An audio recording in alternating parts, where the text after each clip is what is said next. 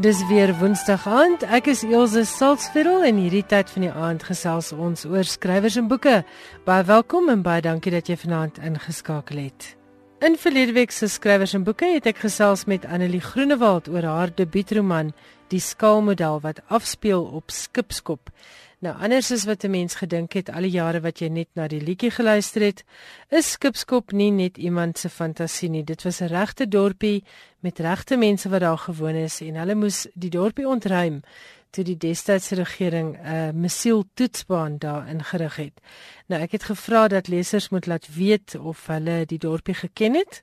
Daar was heelwat SMS'e wat Jackie verlede week al gelees het wat gesê het mense het die plek geken, hulle daar vakansie gehou en hier is nog 'n paar SMS'e wat ons gekry het oor Skipskop. Die eerste een is van Denise, 'n Engelse luisteraar.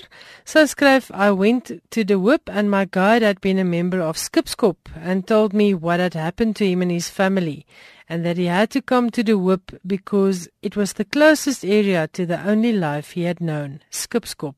Apart from David Kramer's song, I was ignorant about that history. Thanks to your program, I shall now be able to know more after reading Die Skaalmodel. Thank you for a lovely Wednesday evening listening. I'm a regular listener whenever possible. Regards, Denise. Denise, baie dankie vir jou lekker e-pos. Dis altyd vir my so lekker om terugvoer te kry van Engelse luisteraars wat ook inskakel op RSG en wat dan laat weet hoe baie geniet hulle die boeke. Hier het 'n anonieme luisteraar geskryf: "Ai tog, die arme wit kinders wat in die 50's in multigraad klasse moes leer in skole waar daar geen spoeltoilette of elektrisiteit was nie. Ons het met perdekarretjies wat ons pa self gemaak het skool toe gery. Die biblioteekbus het vir ons boeke gebring seker so elke 3 maande. Dit is natuurlik nou na aanleiding van die insetsel oor die Vrystaat leesprojek en die biblioteekbusse wat na die afgeleë plattelandse gebiede gaan. Dan het Susan Swart laat weet, dankie Elsje, dis hartseer Ek het baie na die liedjie geluister, maar nog nooit geweet waaroor dit gaan nie. Ek mis nooit jou program nie van Susan Swart. Susan, baie dankie. Dankie ook vir die ander luisteraars wat na die ateljee e-posse en SMS'e gestuur het. Dis lekker om te weet julle luister en ek is bly as julle ook 'n stukkie geskiedenis in Suid-Afrika herontdek. Nou gesels ons weer oor so 'n stukkie geskiedenis. Hierdie keer is dit Harry Kamer in gesprek met Corina van der Spool en Harry gesels met Corina oor sy nuwe drama wat onlangs gepubliseer is, Die Bram Fischer Wals. Geniet die gesprek. Ek gesels vanaand met Harry Kalmer. Hy is 'n skrywer van romans, van kortverhale en van minstens 23 dramas. Waarvan daar nou vir die eerste keer een van sy dramas gepubliseer is. Dit het verskyn by Wits University Press en die drama se titel is Die Bram Fischer Wals en dis ook gepubliseer in Engels, The Bram Fischer Waltz. Harry, hoekom 'n stuk oor Bram Fischer? Die Afrikaner uh, kommunis. Ja, die Afrikaner kommunis. Die karakter Bram as 'n mens het my nog altyd gefassineer. Vandat ek 'n klein seentjie was toe hy gearresteer is met sy vermommings toe in die underground gebly het. En soos ek ouer geword het, het die vraag by my opgekom, hoekom sal iemand wat in daai tyd gelewe het, die keuses maak wat hy gelewe het? Aan die een kant het jy John Foster en Hendrik Verwoerd gemaak gehad, aan die ander kant was daar Bram Fischer en sy trawante.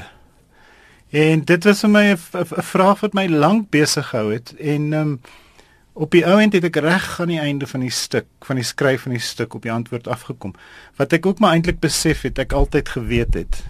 Ehm um, dit is vir my baie interessant. Vir my was dit volgens Bram se eie motivering en sy ehm um, verhoor was dit die sy gevoel of sy gedwongenheid om te voel as 'n Afrikaner maak hy 'n verskil. Dit is my ek dink die motivering gewees vir die skryf van die teks wat ek met uh, Brahms se medegevangene die skrywer en joernalis Julian gepraat en hy het vir my gesê moet asseblief nie probeer om 'n Brahms te skryf sonder om te skryf dat hy 'n kommunis was nie.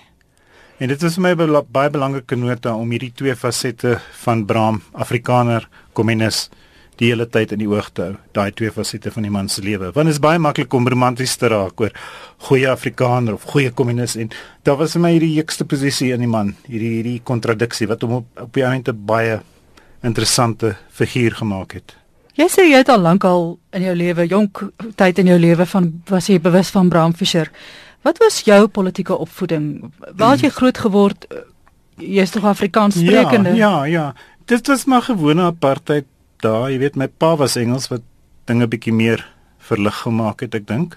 Maar ek is deur die Afrikaanse skool, deur die Afrikaanse hoërskool, deur die Afrikaanse universiteit. So my politieke bewuswording was buite daai strukture gewees.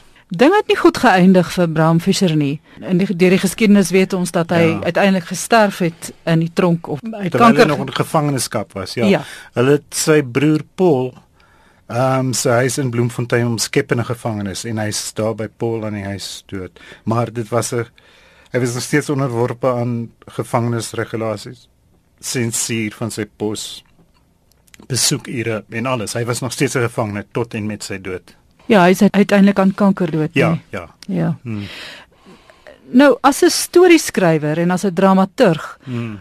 hoe werk mens met die storie waarvan almal die uitkoms reeds weet? Ja. Wat die lekkerste deel vir my was, was die goeie wat ek ontdek het.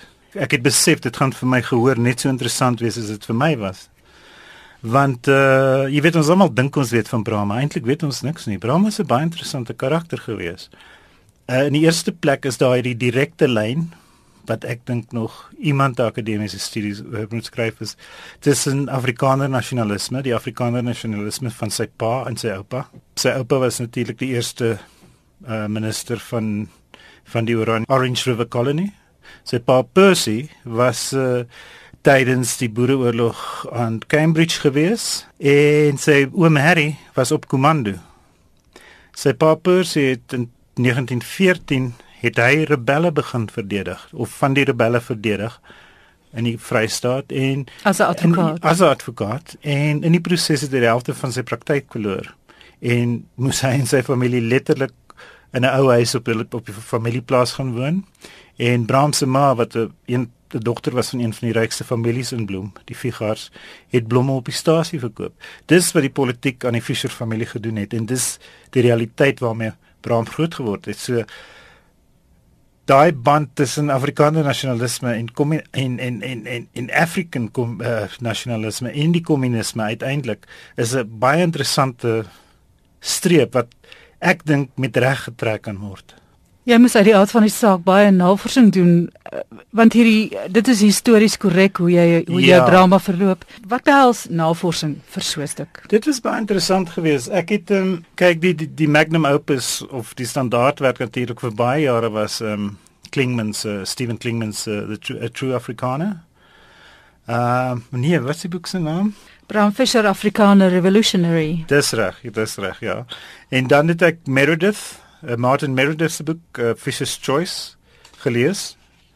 En dan dat baie naby aan die einde het dan is Haasbroek se boek ter sprake gekom wat vir my 'n lieflike lees was want Hannes kyk as 'n Afrikaans sprekende of as 'n Afrikaner kyk hy na hierdie baie Afrikaanse verhaal en dit dit het teksture bygebring. Maar dit was maar die begin het ek op ek het, ek was baie bewus daarvan dat baie mense nog lewe wat Bram geken het, veral sy twee dogters. En ek was skrikkerig om hulle te nader, maar so baie mense het my gesê praat met Ilse, praat met jou. En ek het jou Lou in eerste ge gekontak want ek het sy kontak details gehad en hy het lank met my gepraat en ehm um, baie gelag en elke keer as hy oor Bram gepraat het, begin Afrikaans praat. To say you for me, you have to speak to Dennis, you have to speak to Ilse. Dis nou Dennis Goldberg. Dennis Goldberg en Ilse Wilson. Toe is ek hier so en dit het verskriklik goed gegaan. Ek is weg daar met 'n ellelange aantal ellelange notas en toe gaan ek na Ilse toe. En ek was so onvoorbereid dat dit baie krapperig en stoterig gegaan het. En toe het sy die goedes begin vertel oor Bram wat ek nêrens gelees het nie. Die ding dat Bram verskriklik sleg gedans het. Wat Bram gedrink het, dat Bram bietjie van 'n snob was. Jy weet sy gestek vir vrou, was jou pa snob? Dis sê sy, ja, my pa was 'n snob. Jy weet al hierdie goedjies en toe ek natuurlik by Dennis kom in die Kaap, uh, my my uitgewer het my af Kaap toe gevlieg vir 'n 'n prysfunksie en toe het ek na die middag oop toe toe bel ek vir Dennis en ons het hy sou 'n uur met my gepraat het dit was 2 en 'n half ure dit was baie emosioneel ja en weer eens die oomblik as hy oor Bram begin praat in Afrikaans en ja dit was wonderlik geweest om om hom te belewe en toe sê ek vir hom kyk ek begin nou die ding ek gaan die storie nou so vertel ek ek het agtergekom Bram was nie 'n leser nie. Bram was 'n kommunis. Hy het ekonomie en filosofie en politiek gelees. Hy het geen fiksie gelees nie. You vertel 'n wonderlike storie hoeveel Bram, een van my favourite boeke, Slaughterhouse 5 gehad het. So, dis ek vir ehm um, Dennis Ek begin die toneelstuk met Bram wat 'n stuk Shakespeare opset. Hy sê vir my, "Do what you have to do. Tell the story that you, that you want to tell." En toe vertel hy my hierdie storie van hulle wat so in die son gestaan het om die son te kry. En dit was nou. ja, in die tronk om die son te Pretoria Lake was soos wat hy tronk bekend staan nog steeds. Het Bram letterlik in sy arms gelê. Jy weet en en hy en Bram het baie interessante gesprekke gehad onder andere oor die Wabenzi. Uh wat wat wat wat wat wat, wat, wat, wat Bram gesê het vir vir Dennis wat wat gaan ons doen as ons swart komrades raak soos die ander mense in die res van Afrika? Laat ons net soort van karre ry en so aan. En ek het nooit die moed gehad om dit in te sit nie. Ek weet nie hoekom ek dit nie ingesien het nie. Dit is 'n lekker stuk en soos wat die stuk lewe gekry het, het is ek dink ek dit sou dalk te veel soos jy weet propaganda geklink het, maar want wat ek agterkom nou dat ons die stuk opgevoer het, die stuk resoneer nie resoneer nie net ook omdat dit oor Bram gaan nie. Dit resoneer ook oor die die moraliteit van politiek en politisie. En dit is die ding wat vir my tref elke keer as ons 'n stuk doen is like hoeveel mense omgee en hoe belangrik iemand soos Bram was. Uh ons het die boek bekend gestel in Johannesburg paar weke gelede by Love Books. En John Carney was ons onderhoudvoerder en toe het hy net uit sy eie uit vertel wat die teenwoordigheid van iemand soos Abraham Fisher of iemand soos Abraham Fisher, 'n wit Afrikaner man in die struggle vir hom as 'n angry young Khoza man van dis nie sy woord nie, maar as as as 'n angry swart jong man in die Ooskaap beteken het en dat hy nooit daai respek vir Abraham en nooit daai respek vir Dennis en nooit daai respek vir Marius Skoon en al daai ander wit ouens wat bereid was om tronk toe te gaan verloor het nie.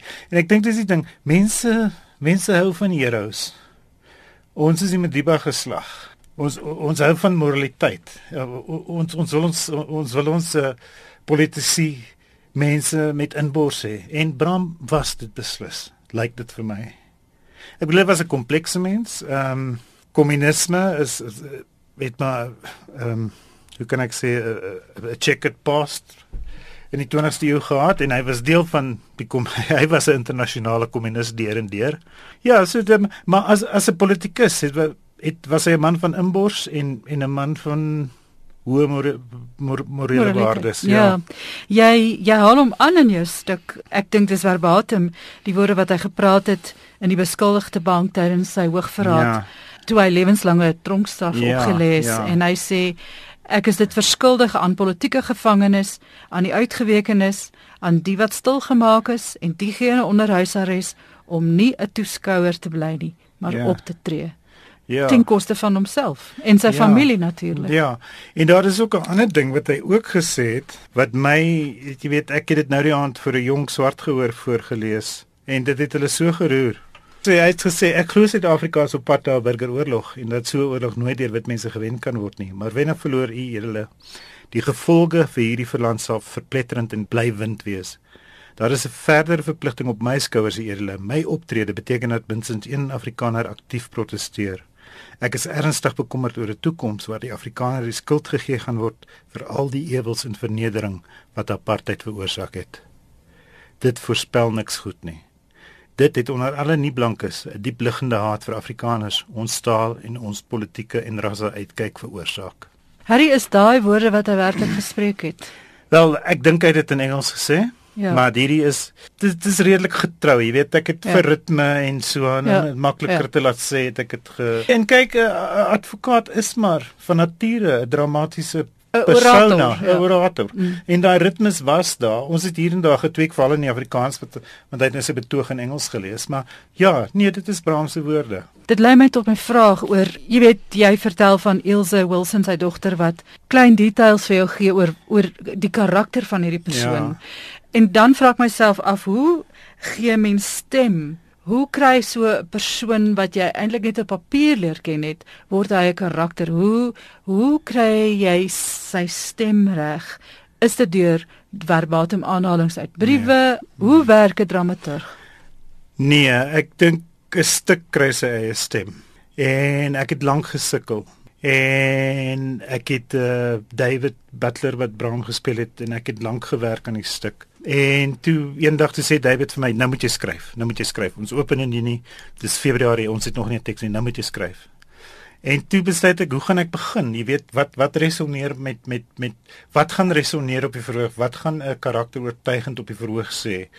En toe besluit ek op Shakespeare se uh, These Blessed Candles of the Night. Jy weet, uh wat die aanhalings was uit Merchant of Venice. In Bram kan self nie onthou nie. En dit was vir my 'n sleutel geweest en in daai ritme van daai sin het ek Bram se stem ontdek en het ek die die ritmes en die spraakritmes van die van die skoolhoofde en die predikante waarmee ek groot geword het in die 60s en 70s het ek dit onthou en ek het dit gebruik en toe ek die Engels begin skryf het, het ek die tipe Engels onthou wat my pa gepraat het wat 'n baie so en David se pa David sê sy pa wat bietjie jonger was David Butler ja het het dieselfde Engels gepraat. So dit was ja, dit was ritmes en spraak. Ja, ek nee, ek het glad nie probeer. Want jy um, moes getrou bly ja, aan die era ja, natuurlik. Ja, natuurlik. En wat wat vir my baie interessante nota was wat baie vroeg in die in die stuk begin het is uh toe ek vir Jose vra wat 'n been van Bram was mank. Kon sy nie onthou nie. Toe ek vir jou vra toe sê was Bram mank? Toe ek Dennis vra toe sê Dennis ja, ek kan onthou Bram het so 'n bietjie gele, maar ek kan nie onthou nie. En Toe sê ek nou, toe sê ek vir David, nou wat gaan ons doen? Gaan ons nou 'n film van van ehm um, van Bram kyk of so? Wil jy sy stem moet sê dis David vir my. Ons praat oor Bram Fischer. Ons praat nie namens hom nie. En toe ek besef dit was ook 'n sleutel onbewustelik vir my vir die teks skryf. Ons praat oor hom op want ek wou ook gedoen het wat net teater kan doen. Daai oomblikke wat net teater kan skep. Dis nie 'n draaiboek nie. Dis nie dis nie prosa nie.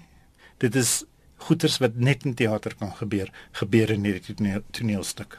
Dit laat my dink aan jou leermeesters. Jy het 'n jy het 'n inleiding geskrywe uh, tot hierdie stuk waar jy Bonnie Simon aanhaal, mm. die, die legendariese Bonnie Simon mm, van die mm. Markteater. Wat is jy verskuldig aan ouens soos Bonnie Simon? Bonnie en ek het nie baie goed oor die weg gekom nie. maar Bonnie het my ehm um, Ek het nie heeltemal banies idee van hoe Afrikaner moet lyk gepas en moet praat gepas nie.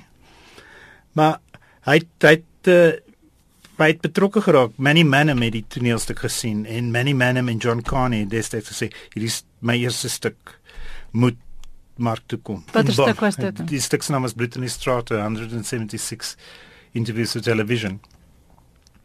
En ons het 'n stuk gedoen en Bani was die artistieke direkteur en hy het vir my goeters gesê, jy weet, en hy was reg geweest. En dit is vir my die wonder van van teater. Mens leer die hele tyd by ander mense. Elke mens dit 'n Bani Simon was, iemand wat my geweldig baie geleer het, is Jackie Singer, die regisseur van die Kaap. Mens leer baie, mens leer by jou gehoor. Jy leer by jou akteurs. Elke ek is mal oor akteurs en elke akteur bring sy eie ding. Wat wonderlik is vir my is Jy besef ook 'n gehoor, 'n akteur, 'n regisseur maak van wat jy op papier gesit het hulle eie. En dis vir my nog steeds, na 30 jaar se teater maak, is dit vir my nog steeds die miracle die miracle van teater maak. Hierdie spesifieke boek word veel meer as net 'n dramateks. Daar's 'n baie interessante tydlyn hier in ja. wat omdat dit werk met historiese gegevens, ja. plaas dit die hele Bram Fischer ehm um, gebeure binne die anti-apartheid struggle ja. tot in die moderne tyd um, mm. ek dink dit eindig tot seker Nelson Mandela se dood. Ek dink wat vir my wat, wat vir my besonder exciting is van hierdie projek of van hierdie publikasie is die feit dat George Bezos advokaat George Bezos het, wat Bram goed geken het en hom uiteindelik onsuksesvol verdedig het ehm um, het 'n voorwoord geskryf. En dit was ook hy wat gesê het ons moet die stuk publiseer want skoolkinders moet hierdie stuk lees. Elke Afrika Suid-Afrikaanse skoolkind moet hierdie stuk lees. En dan aan die einde het ons Ivan Malan van Oxford, sy het 'n essay agter in die krag van morele waagmoed ingesit. En ek dink dit maak die stuk soveel meer as net 'n toneelstuk en maak dit ook meer toeganklik dat mense dit kan gaan lees en 'n uur en 'n half kan hulle 'n hele stuk Suid-Afrikaanse geskiedenis inneem. En dis nogal opwindend. Dit is 'n vir my interessante formaat. So hy het 'n baie spesifieke plek. En net vir my ook 'n hy het 'n baie spesifieke plek in die wye Suid-Afrika ook. En daardeur jy weet kontekstualiseer hy ook die Afrikaner of of bevestig hy die Afrikaner se onwegredeneerbare plek in die Suid-Afrikaanse gemeenskap. Baie dankie, ek dink is regtig 'n waardevolle toevoeging tot ons uh, dramaskat. Baie dankie. Dit was Harry Kelmer wat gesels het oor sy nuwe dramas, Die Bram Fischer Wals en The Bram Fischer Wals wat in beide tale gepubliseer is by Wits University Press. Dit was Corina van der Spool in gesprek met Harry Kamer en hulle het gepraat oor Harry se splinternuwe publikasie Die Bram Fischer Wals, 'n drama wat onlangs by Wits University Press verskyn het. Dit is ook beskikbaar in Engels. Nou is dit tyd vir Johan Meiburg. Ons gesels vanaand so 'n bietjie vroeër in die program as wat ons normaalweg doen, Johan. Maar baie welkom en waarmee vermaak jy ons vanaand? Wel, die Ierse skrywer Mike McCormack is aangewys as die wenner van die 2016 Goldsmiths Prys vir sy roman Solar Bones. Die prys, vanjaar vir die 4de keer aangebied, word toegekend aan boeke wat grense versit. Die 51-jarige McCormack se Solar Bones speel af op Allersiele Dag, die eendag per jaar waarop die dooies, so lui die geloof, kan terugkeer. Dis November 2008 en Marcus Conway, 'n middeljarige ingenieur van Mayo in die weste van Ierland, daag die middag op aan sy eie kombuistafel en besin oor die gebeure wat aanleiding gegee het tot sy vertrek, sowel as sy tuiskoms. Die roman speel af in die gedagtes van Conway en bestaan uit een aaneenlopende sin. McCormack se roman is uitgesonder vir die uitsonderlike en vernuftige manier waarop dit omgaan met vorm en in die proses konvensies bevraagteken. Blake Morrison, sameroeper van die beoordelaarspaneel, het verwys na die liriese aanslag aan die hand waarvan beskrywing van 'n gewone lewe buitengewoon word. Solar Bones is uitgegee deur die klein onafhanklike Ierse uitgewer Tramp Press wat beteken dat die boek nie in aanmerking gekom het vir die 2016 Man Booker Prys nie omdat dit in Ierland en nie in Brittanje gepubliseer is nie. In gesprek met The Guardian het Morrison gesê dis opvallend dat Ierland oor kleiner uitgewerrye beskik wat primêr ingestel is op letterkunde en wat gevolglik bereid is om meer te waag as die in Brittanje.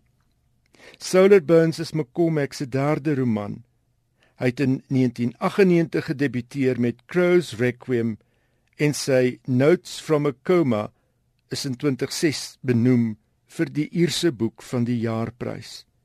Die prysgeld van die Goldsmiths prys is 180 000 rand.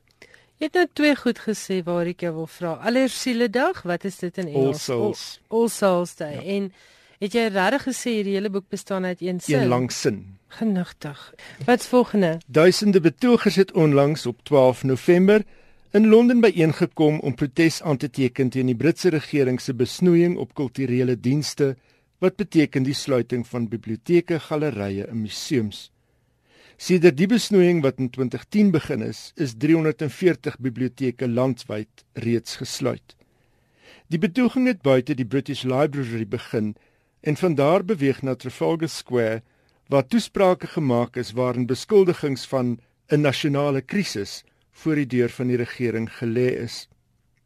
United Union, 'n Britse werkersunie, het by monde van Fiona Farmer, sy woordvoerder, gesê die besnoeiings is 'n daad van kulturele en opvoedkundige vandalisme. Biblioteke is die poorte tot kennis, tot leerervarings en genot vir jonk en oud, het Farmer gesê. Meer en meer gemeenskappe moet nou verlief neem met die dienste wat beëindig word of geprivatiseer word. Ons hoop die regering slaan ag op die oproep om te herbesin, was die algemene boodskap van die betogers. Op 11 Desember 1946 is die Verenigde Nasies se kinderfonds, bekend as UNICEF, in die lewe geroep om hulpverlening in die vorm van kos en gesondheidsorg te bied vir kinders in lande wat deur die Tweede Wêreldoorlog verwoes is. Om UNICEF se 70ste bestaanjaar en te gelyk die aanvaarding van die konvensie van kinderregte te gedenk, het die liggaamskrywers van reg oor die wêreld gekry om 'n kort kort verhaal van sewe reëls te skryf aan die hand van die tema wat ek vir elke kind wil hê. Skrywers wat deelneem aan die projek sluit in bekendes soos Paulo Coelho, Chimamanda Ngozi Adichie, Christina Lamb en Nuruddin Farah. Boonop is 'n verhaal van die 8-jarige Suid-Afrikaanse skrywer Michelle Nkamankeng ingesluit. Haar eerste boek, Waiting for the Waves, is in September uitgegee. Dit maak haar die jongste skrywer op die Afrika vasteland en een van die 10 jongste skrywers ter wêreld. Michelle Nkamankeng is in 2008 in Johannesburg gebore en is leerling aan die Sacred Heart College and Observatory. Her Waiting for the Waves is die verhaal van 'n meisie met die naam Titi wat saam met haar ouers in die binneland woon en hoe hulle haar help om haar vrees vir branders te oorkom tydens die gesin se eerste besoek aan die strand. Sy het haar boek op velle A4 papier met groen en pers penne geskryf, die blaaie in die helfte gevou, dit vasgekram en haar naam op en die titel op die voorblad geskryf met 'n boodskap aan haar lesers: Ek hoop jy geniet die boek. Die boek uitgegee deur LANSM Publishing is geïllustreer deur Megan Venter, iemand wat Amazon beskryf as een van die beste illustreerders. UNICEF se Tiny Stories is beskikbaar by www.unicef.org/skuinstreep tiny stories. Jy het nou gesels oor die 8-jarige dogtertjie en haar boek. Ek het net 'n vinnige onderhoud met haar pa gehoor waar hy gesê die titel het ontstaan toe hy en sy op die strand gestaan het en sy het hom gesê daddy what are you doing en toe sê hy vir my darling i'm waiting for the waves en toe sê sy vir hom oh daddy you just gave me a title for my book en hy het hy het gedoog dis maar net 'n fantasie wat sy haar kop het hy sê en toe hy weer sien dit sy 'n boekie geskryf en aangedring hulle moet dit na uitgewer toe vat. En die boek is die eerste van 4 waarmee sy besig is. Ag, dis maar so wonderlik. Wat het jy nog, Johan? Pen International, die skrywersorganisasie wat hom onder meer beywer vir vryheid van spraak, het op 15 November, soos elke jaar sedert 1981, die dag gedenk as die dag van die ingeperkte skrywer. Die doel is om aandag te vestig op skrywers wat aangehou word of wat aanvalle, tuistering of geweld aan die vel voel omdat hulle skryf wat hulle skryf. Sedert November verlede jaar is 35 skrywers wêreldwyd doodgemaak vanweë hul skryfwerk. Salil Tripathi, voorsitter van Pen International se komitee vir skrywers in gevangenis, het benadruk dat skrywers nie omrede hul skryfwerk in tronke hoort nie. Vanjaar is die gevalle van vyf skrywers in aanhouding onder die aandag gebring. Die van die Egiptiese skrywer Ahmed Nahi wat 'n vonnis van 2 jaar uitdien vir oortreding van openbare sedelikheid na aanleiding van 'n uittreksel van 'n roman wat in 'n tydskrif gepubliseer is. Die Turkse skrywer Asli Erdogan, 'n skrywer wat in die tronk gegooi is weens ondermyning van nasionale eenheid en wat sedert Augustus sonder verhoor aangehou word. Cesario Alejandro Felix Padilla Figuera van Honduras wat vervolging en doodstrygemente ontvang het vir sy aandeel aan studenteprotes by 'n universiteit in Honduras. Die Israeliese digter Tarin Tatour wat aangehou is en tans ingeperk word en die Chinese uitgewer Gui Minhai wat verdwyn het en 3 maande later 'n bekendnis op staatsbeheerde televisie gedoen het en van wie daar sedertdien geen spoor is nie. Ai, dit is baie tragies. Ek hoop jy het volgende week vroliker nuus vir ons Johan as hierdie, maar ja, laat ons ook aan die skrywers dink wat wêreldwyd hulle deel doen om van die wêreld 'n beter plek te maak. Volgende week gesels ons weer. Baie, baie dankie. dankie. Dit was dan Johan Meiberg. Jy luister na Skrywers en Boeke. Dit is die tweede helfte van vanaand se program. Ek is Elsje Salzwetel en jy weet natuurlik jy luister na RSG 100 tot 104 FM. Baie welkom en baie dankie dat jy saam luister. Ek weet die skole het nog nie amptelik gesluit nie, maar ek weet die meeste skole se eksamens is verby en die boekwurms onder ons jonger luisteraars kan nie wag om te hoor wat is daar nuut op die rakke nie. Nou hier's 'n heerlike boek en ek wil dit sommer aanbeveel vir 'n geskenk vir 'n boekwurm van so 14 jaar en ouer of miskien selfs van 13 jaar en ouer. Elizabeth Wasserman se splinternuwe jeugroman 11 dae in Parys. Suzette Kotse Meiber gaan nou met haar gesels in Kaapstad. Lekker luister. Elizabeth, baie welkom by ons in die ateljee. Dankie, ek gesels graag met jou. Ons gesels oor jou nuwe boek, 11 dae in Parys, maar ek wil sommer so by die begin begin met die skrywer Elisabeth Wasserman. Jy het eers kinderverse geskryf, nee. Dit was die eerste van jou wat gepubliseer is. Dis die eerste wat gepubliseer is, ja, die eerste wat die paal gehaal het. en dit het ek maar begin skryf toe my eie dogter klein was en ek het vir haar die rympies geskryf, veral oor diere en snaakse goedjies. Ja. En jy is 'n van beroep 'n patoloog en jy is ook 'n dosent in microbiologie, 'n spesiale professor. Waar kom jy skryf vandaan? Dis iets wat ek nog altyd wou gedoen het en altyd maar mee gekarring het so so op my eie en gehoop het ek kan dalk eendag iets doen, maar mense raak besig in die lewe. So en soos alles wat 'n mens doen, vat dit maar baie oefening en harde werk. En dis eers die laaste ehm um, 10 jaar of so wat ek nou meer doelgerig begin werk het veral aan kinderboeke wat nog altyd my gunsteling boeke was in enige boekwinkel of 'n biblioteek nog steeds. Jy het toe nou na jou rympie boek Meerkat restaurant toe het jy begin met die speurhond Willem boeke en dan waarvan daar 4 was en hulle was groot treffers. Ja, eintlik kronologies het ek eers met die Anna Atoms begin, maar die Speurhond Willems was eers gepubliseer. En ek dink dis eers toe Speurhond Willem 'n bietjie suksesvol was wat ek Anna Atom kon ehm um, laat aandag trek en ja. met Anna Atom omdat dit van my eerste boeke was, het jy wat werk op nodig gehad. So ek het Anna heel wat oorgeskryf voor sy uiteindelik die lig gesien het. En Willem, waar die idee toe nou vir, vir Willem speurhond Willem, dis my so 'n oulike titel. Waar het dit vandaan gekom? dit was ook 'n uh, uitvloeisel van my uh, gesprek wat ek met my dogter gehad het in in die woorde. Want ehm um, toe sy nou baie klein was, het ek vir haar rympies geskryf en ek vertel altyd hoe ek moes reis vir my werk en dan het ek vir haar rympies huis toe gestuur. En ek was op 'n studiereis in Duitsland op 'n trein en toe iewers het Speerhond Willem se storie in my kop gespring. Speerhond, die regte Willem was haar hond, haar spaniel.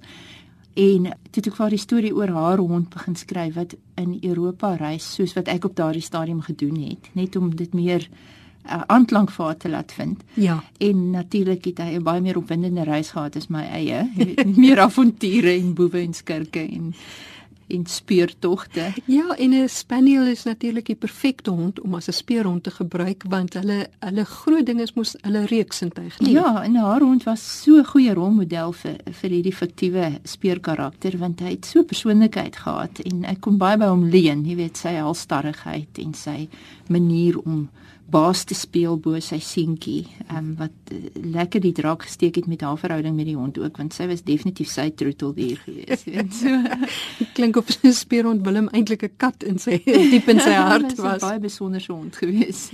En toe het jy ook die Anna atoom wat nou vir my van hulle baie lekker is is dat jy baie definitief die wetenskap inbring deur middel van die van jou boeke. Is dit vir jou 'n doelstelling gewees om kinders 'n bietjie aan wetenskap bloot te stel, jong lesers? Ja, nee, dit was definitief en ehm um, weer eens het ek dit kan ek dit gaan haal van my dogter en haar maats op daardie stadium wat sy in laerskool was hier in graad 6 rond. En ek gesien het hoe veral meisies partykeer onder die las gebuk was van wiskunde is nie cool nie en wetenskap is miskien nie. Dis dis baie stereotypies, maar daai stereotype bestaan tog nog steeds. En ek wou tog nog steeds iets anders as Barbie kry. Ehm um, vir haar en haar maatjies, jy weet 'n bietjie meer van 'n van 'n Rabadoo heldin het ek gevoel kort hulle in hulle lewens en ek het toe Anna so gebou met haar ongewone me familie. En die ander ding wat Anna ook baie oor gaan is oor bewaring, nê. Nee, ja. En mens raak moedeloos as jy kyk na die wêreld om jou en hoe uitgeput die arme aarde ja. raak. Maar tog is ek baie 'n groot tegnologie entoesias en ja. wetenskap entoesias en dan dink ek baie keer ons het soveel oplossings wat vir ons in die wetenskap lê. En hoe kan ons ons kinders inspireer om wetenskap te gebruik om hulle wêreld beter te maak eendag as hulle wetenskap in hulle beroepe moet begin beoefen? Dit was my speletjie dan om 'n wetenskaplike toepassings wat ek dink in die toekoms gaan gebeur te gaan haal vooruit en hulle dan amper soos towerspelle terug te bring in 'n storie in, maar dis moontlikhede. Jy weet, dis nie vergaande nie. Dis alles goeters wat dalk nog kan gebeur En as jy nou byvoorbeeld 'n boek soos Harry Potter lees, weet waar waar fotos beweeg in rame, dit klink nou nie meer so vergaande nie. Ek meen uh, dit begin gebeur in ja. werklikheid En op hierdie manier is is die wetenskap ons lewende towerkuns van van vandag. Ehm um, en uh, ons moet dit so insien en kinders aanvaar goed baie maklik want ja. hulle word groot daarmee.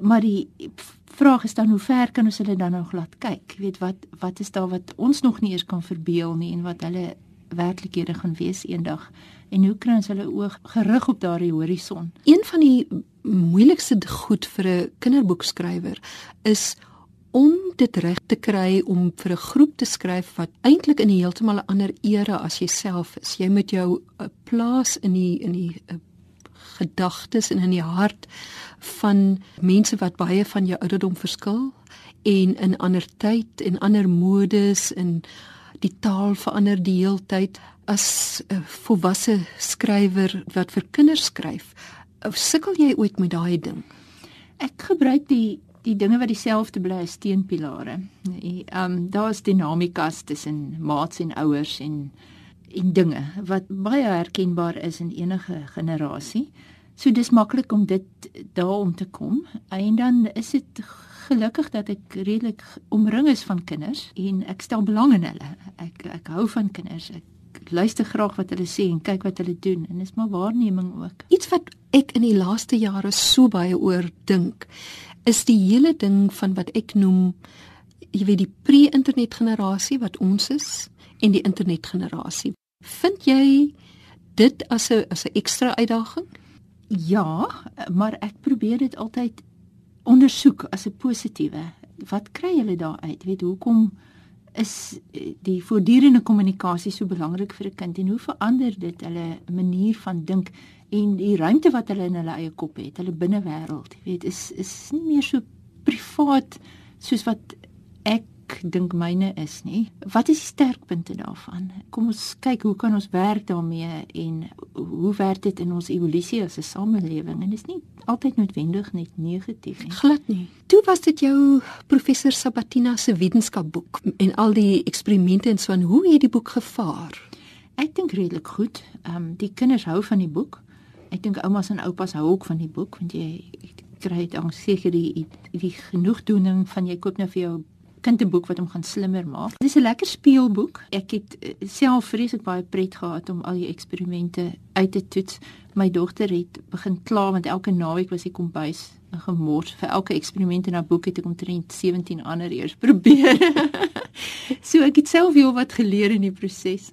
Wat het jy as kind in belang gestel? Ek was lief vir lees, definitief. Ek het op 'n klein dorpie groot geword, so lees was ontvlugting.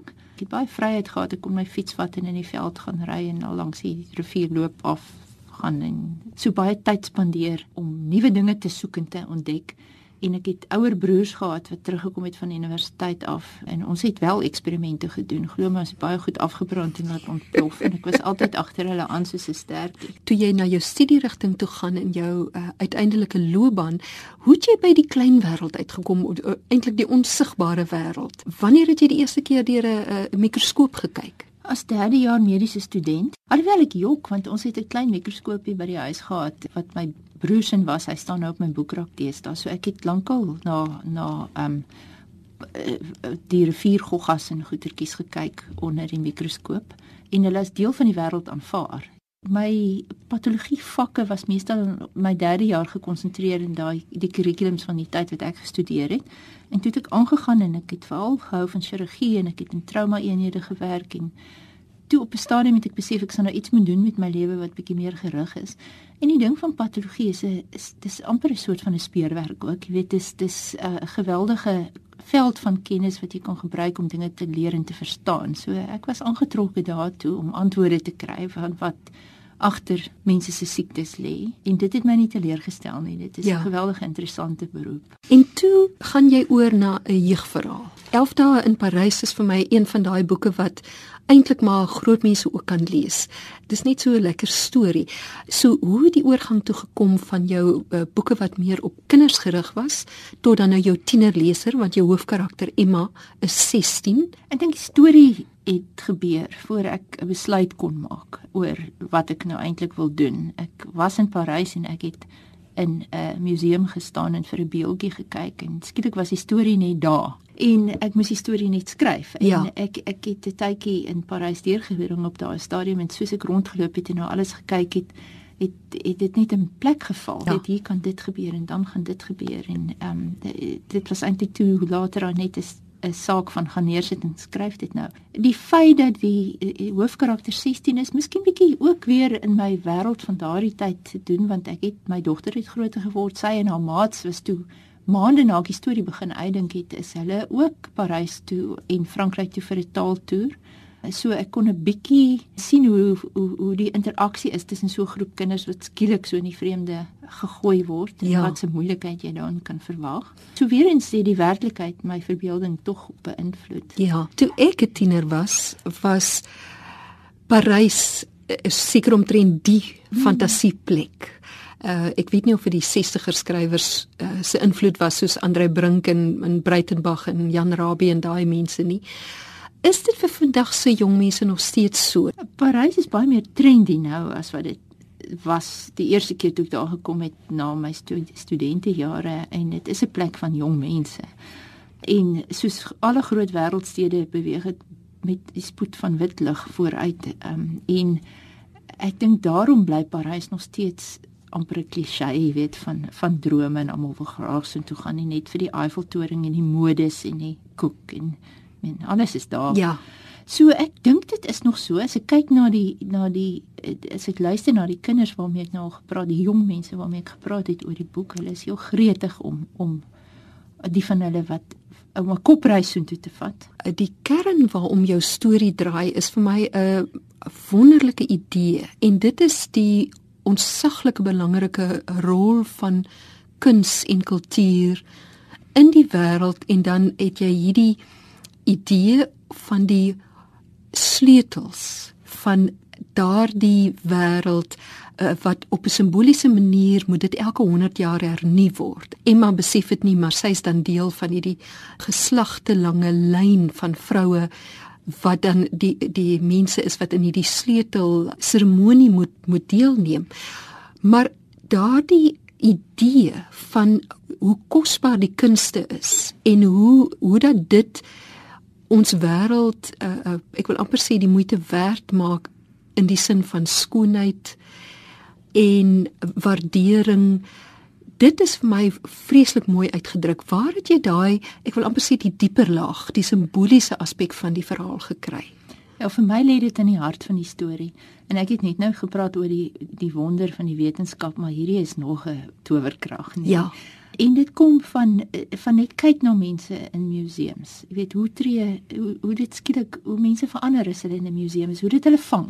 Selfs iemand wat nie eintlik miskien weet hulle waardeer kuns nie. Vat hulle in 'n baie goeie museum in en en ek seker hartklop verander en dis 'n fisiese ervaring om o- o- aangesig tot aangesig te kom met met kuns. Dis Ja. soos dis soos musiek ook, jy weet, dis en en 'n goeie boek en goeie letterkunde, dis transformerend. En en ja, ek ek weet ek skryf gewoonlik oor die wetenskap, maar hierdie is ook 'n baie groot krag wat ek wat ek graag wou beskryf is is die krag van kuns in in ons lewens. En miskien ook 'n maklike een vir jong mense om mee te identifiseer, ja want hulle is nog oop vir sulke goed. En ek moet sê, die postmoderne wêreld werk nie meer so in kompartemente nie, maar vroeër sou dit eintlik baie vreemd gewees het om iemand wat in 'n baie sterk wetenskaplike beroep is soos jy gelykwaardig waardering te hê vir die kunste. Ek dink juis in hierdie tyd waar inligting vrylik beskikbaar is en en nou raak integrasie van dinge raak 'n baie sterker valuta. De, definitief hierdie grense is ongesond. Jy weet, kunste en wetenskap en die hele ding selfs van kreatiwiteit is is 'n geïntegreerde wêreld en ons sal almal baie ryker wees as wetenskap meer toeganklik is vir vir almal op straat en as kunste meer deel word van almal se lewe en ek is seker baie groot wetenskaplikes is ook ernstige kunstenaars. Wel, Einstein was Ja, ten minste. ja. Uh daar's soveel pragtige aspekte aan 11 dae in Parys en ek het dit so geniet. Natuurlik moet dit 'n liefdesverhaal wees met 'n pragtige jong Fransman, Luc wat Emma natuurlik op verlief raak en so voort. Daar's 'n motorfiets en daar's al die mooi plekke wat 'n mens na toe gaan, die beskrywings van die Eiffel en die Seine en alsoor. Een van die goed wat vir my geboei het, was jou beskrywings van die katakombes Vertel 'n bietjie daarvan en van Luke en sy vriende se avonture in die Ja. katakombas. Dis ook als gegrond op die werklikheid, nê. Nee. Ehm um, en as jy stap in Parys en kyk die die mangate se deksels. Ja. Jy kry die gewone modernes nou en dan, jy kry nog die oues ook. En um, hulle is pragtig, is pragtige metaalwerke. En uh, dit is 'n uh, erkende sport in Parys wat hulle die katofiele of die katafiele noem van bendes wat dan in die nag deur die mangate gaan. En dis onwettig maar die munisipaliteit of autoriteite draai maar 'n blinde oog en dan verken hulle nou al hierdie tonnels en gange onder Parys. Die bekende katakombes waar die toeriste altyd heen gaan is net 'n baie klein deeltjie daarvan. En daar's uh, as jy kyk na die kaarte van die tonnels en die grotte onder Parys is dit ekstensief. Onder die opera weet ons met Phantom of the Opera waar die kanale vloei en weet as water en ag dis net watter skrywer kan nou so 'n uh, 'n omgewing weer gebruik nie. nie gebruik nie. Ja, want ek was daar en ek weet van daardie bekende katakombes met die geraamtes wat so Ja. opgestapel is, maar eh, nie daarna gaan kyk nie want ek, ek was ongelukkig maar net 4 dae in Parys, maar ek het nooit uh, werklik kennis geneem van die van die klomp katakombes nie mm. om een of ander rede eh, daai stuk van die stad net by my verbygegaan. Ja, ek dink daar's soveel ander goed wat wat eh, wat die kort toerist um, Ja. is besig hou. Ek het ek dink ek het in National Geographic eerste keer 'n artikel daaroor gelees en oor hierdie jong mense veral wat dit hulle stokperdjie maak. Hulle hou konserte daaronder en daar's daar's selfs 'n paar restaurante maar wat so op verskyn en verdwyn. um, en toe het ek maar met die tyd weet meer begin lees en en het, ek het ook met my tye wat ek in Parys was begin belangstel in straatkuns Ja. en al die simbole en ehm um, die verwysings in straatkuns ook na wat onder die stad Ja. aangaan. Uh, graf, graffiti kuns. Die graffiti kuns, ja, alhoewel 'n straatkuns in Parys bereik hoogtes nê wat wat die Louvre omtrent sal laat groen word. Dis nogal 'n baie lewendige en dis nog 'n ding, jy weet, Parys is nie 'n verstokte dooie stad nie. Ehm um, daar's daar's kuns en lewe oral. jy weet, Ja, ja. So om af te sluit, waaraan werk jy volgende? Waarmee is jy besig? Ek is altyd besig met drie verskillende goed. en so ek werk op die oomblik aan 'n opvolg vir 11 dae in O, lekker. Parys, maar ehm um, met 'n ander stel karakters, maar met eh, ook 'n 11 dae. Die basiese idee wat ek hoop ek sal met hierdie kort reeksie doen is wat 11 dae op 'n ander plek aan jong mense se se uitsig op die lewe kan doen. Rome is byvoorbeeld 'n goeie idee. Rome is 'n goeie idee, ja. My ook die kans om om bietjie te reis en en so. Ehm um, in verskillende plekke. Ek dink jy gaan verras wees met met waar my volgende 11 dae gaan afspeel.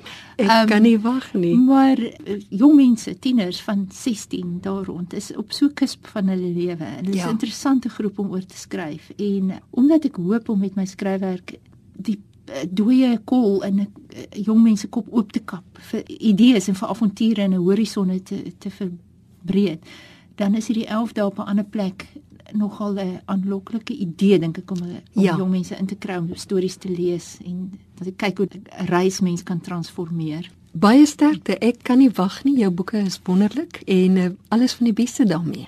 Baie dankie.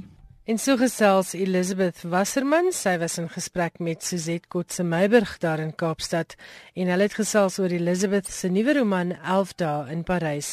Dit is geskik vir jong lesers en word uitgegee deur Tafelberg. Die prys is R150. Volgende week gesels ek weer oor leesstof vir jonger lesers van kleuters tot tieners. So onthou om volgende week na skrywers en boeke te luister. Veral as jy nog 'n paar lekker geskenkidees soek. Dit dan volgende week se skrywers en boeke Woensdag aan dieselfde tyd, 8uur, dieselfde plek, RSG en ek sal hopelik weer met jou gesels. Baie dankie dat jy vanaand saamgeluister het. Stuur gerus 'n SMS na 34024. Onthou elke SMS kos 'n rand of stuur 'n e-pos na skrywers Tot ons volgende week weer gesels. Totsiens.